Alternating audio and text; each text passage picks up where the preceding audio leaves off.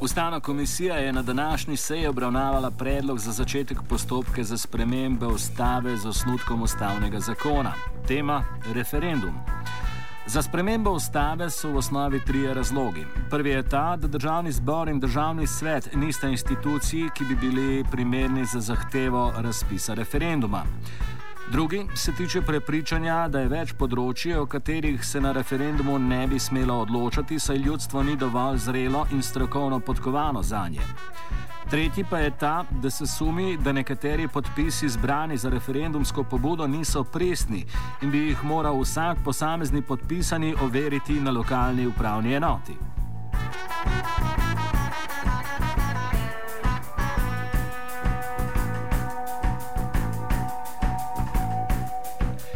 Glede tega, da državni zbor in državni svet ne bi smela zahtevati referenduma, se vsi strinjajo.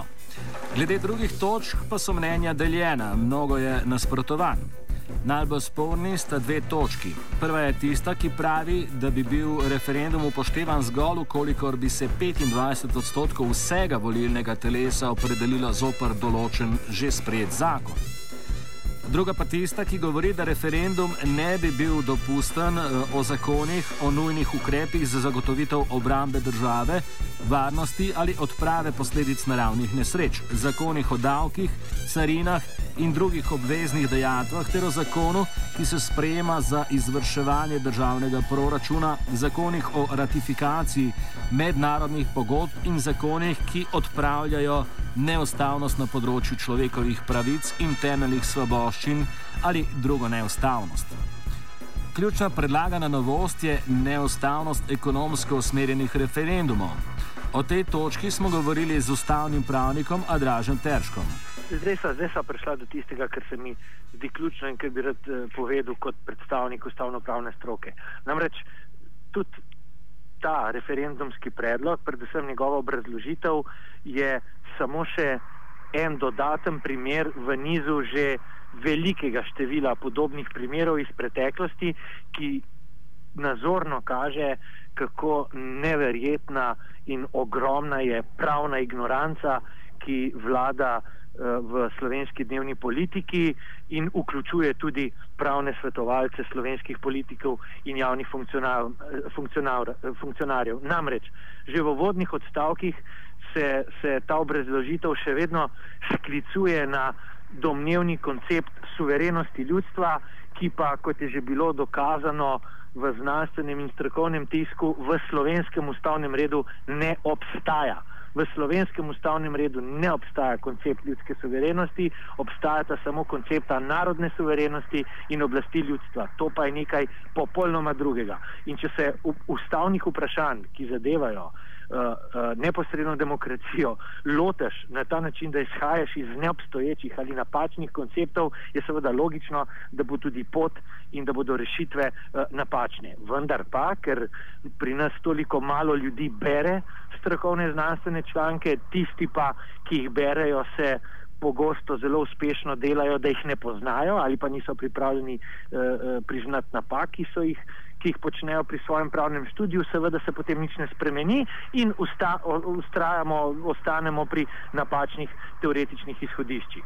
Drug primer, drug dokaz uh, tega velikega uh, neznanja uh, uh, pravne, ustavno-pravne abecede pa je to, da se bo zdaj v ustavo zapisovalo nekaj, kar je že najmanj 20 let jasno, da ustava implicitno vsebuje oziroma bolj konkretno, uh, del predmet ustavno-pravne abecede je to, da se ve, da pač referendumi, ki bi pomenili protivstavno odločanje o temeljih človekovih pravicah, pač niso dopustni. In če to 20 let vemo, ker je to del ustavno-pravne abecede, je skrajno nazadnjaško do ustave in do nas samih, pa skrajno žaljivo, če se po 20 letih v ustavo izredno zapiše nekaj, kar v njej že vse čas uh, implicitno je vsebovano. To je, to je skrajno žaljivo in nazadnjaško. Ampak kakšen je ta ključni argument za recimo teh osnovalcev tega novega ust, uh, ustavnega zakona? Deloma je to preusmerjanje pozornosti, ne, še naprej od, od pravih in resničnih vzrokov za težave na neke točke, ki niso pravi in resnični uh, vzroki težav. Deloma je, tako kot sem poskusil pojasniti, to odraz uh, velike ustavnopravne ignorance, ki je značilnost slovenske dnevne po politike. Deloma je pa to zagotovo tudi poskus dnevne politike, da bi sama sebe nekako poskušala zavarovati pred naraščanjem uh, neposredne demokracije oziroma pred dvigovanjem volje in pripravljenosti slovenskih državljanov, da sami sebe bolj vključijo aktivno v procese uh, političnega odločanja. In to ni dobro. Tako kot ni dobro, uh, da bi imeli preveč eh, neposredne demokracije, tudi ni dobro, da bi se z prevelikimi overami eh, poskušalo izničiti eh, neposredno demokracijo. Nobena od teh skrajnosti ni, ni dobra in zdaj se zdi, da želi dnevna politika slovenska v to drugo skrajnost, izničiti neposredno demokracijo.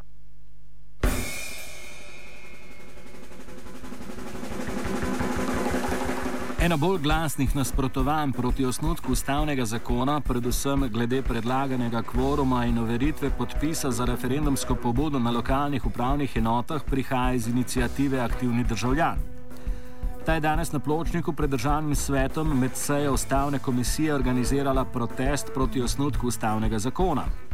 Pobudnik demonstracije je bil član, je bil član eh, inicijative Vili Kovačič. Najprej bo govoril o nasprotovanju tako določenega kvoruma. Najbolj problematičen je kvorum na drug način. Kvorum na drug način se pa reče zavrnitveni referendum, ki je v bistvu kvorum na kvadrat, po našem mnenju. E, to se da tudi računsko preko utemeljiti, e, kakšna mora biti deležba, da se potem izglasuje ta pogoj. Ta pogoj pa je, četrtina volilnega telesa mora zakon eh, zavrniti. Eh, to pomeni 400 do 450 tisoč državljanov mora zakon zavrniti. Mislim, to so nesmiselne in zelo omejujoče zahteve, eh, ki bojo ukali zatrle vse državljanske referendume. Ne rečem, da ne bojo referendumi iz, različnih lobijev možni, tam, kjer imajo denar, kjer imajo vpliv, kjer imajo medije, uh, bodo preskočili vse ovire, mi pa ne. Uh, tak referendum, kot je bil recimo proti Tešu, v tej konstelaciji ne bo nikoli možen. To poudarjamo in zato smo ostro proti. Dobena zahodna demokracija, da govorimo o zahodnih, nima kvorma, nima kvorma, razen Italije, ki ima podoben zavrnitveni referendum. Uh, tako, da se zgledujemo po drugih, uh, ki so boljši od nas, ne pa od tistih, ki se gredo eh, represijo. Ob tem Kovačič nadaljuje, da je očitno, da gre za zmanjševanje možnosti državljanskega odločanja. Tako pravi, da ne morejo. Mimo tega, da se za parlamentarne in predsedniške volitve ne zahteva kvoruma, tukaj pa zahtevajo kvorum. Naj si ga uvedejo še za še za svoje volitve, za svoje izvolitve, potem bojo pa videli, kakšen damoklejev meč visi nad, nad, nad njimi samimi.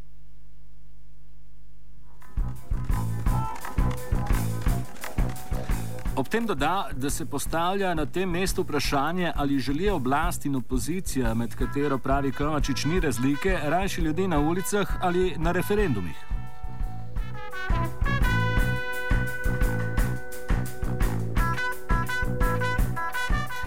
Glede na črtovanega kvoruma poda svoje mnenje tudi Andraš Teršek, ki je manj radikalen glede tega vprašanja. Ta kvorum sam po sebi je, po mojem oceni, tam nekje na meji, na zgornji meji. Absolutno strožji kvorum uh, ne bi bil primeren. Uh, ta kvorum bi lahko še nekoliko znižal, recimo tja do 15%, uh, ne bi bilo pa tudi slabo razmisliti o tem, da ne bi enostavno veljal enoten kvorum, ampak da bi se tudi uh, po bistvenih uh, lastnostih in primeroma opredelila različna vprašanja, o katerih lahko ljudje glasujejo na referendum. Namreč včasih so kakšni referendumski uh, predlogi oziroma njihova vsebina predstavlja tako zelo tehnična operativna, manj pomembna vprašanja in takrat je lahko na mestu nižji kvorum. Nekatera vprašanja so pa tipično sistemska,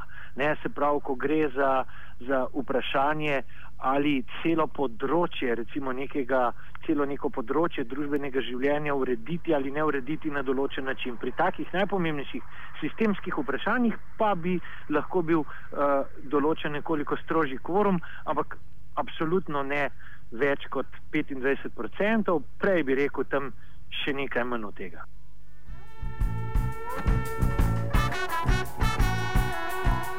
Vili Kovačič iz inicijative Aktivni državljani, kot smo že omenili, proti spremembam zakona o referendumu in ljudski inicijativi, s katerim se predlaga, da bi moral vsak podpisnik za referendumsko pobudo sam na lokalni upravni enoti overiti svoj podpis. Govori Kovačič. Mi smo zato, da se zbirajo na ulici, da se zbirajo po domovih in tako naprej, ne pa zato, da se ljudi za rokav mora odva, odvesti na, eh, na upravno enoto to je noro. E, in zdaj to enačijo, ja, bomo pa bomo, bomo s, tem, s tem naredili red. Ne? Ni res, red se lahko naredi popolnoma drugače.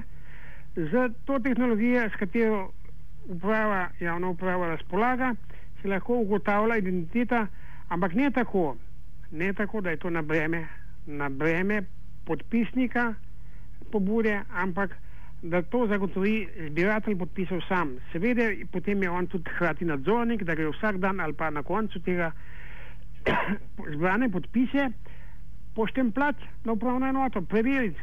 In skupaj boste ugotovila, uh, ali določena oseba je, uh, eksistira ali ne eksistira. Danes smo vam predstavili predvsem pomisleke glede spremembe ustave in zakona o referendumu in ljudski inicijativi.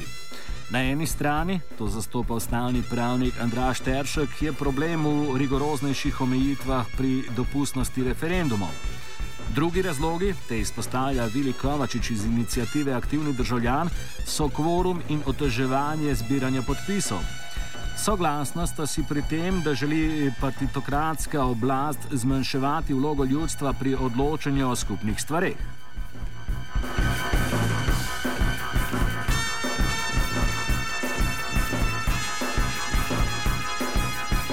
Čisto za konec povejmo, da je ustavna komisija brez glasu proti podprla delovni predlog stališč o osnutku ustavnega zakona, medtem ko so se poslanci pozitivne Slovenije glasovanje vzdržali.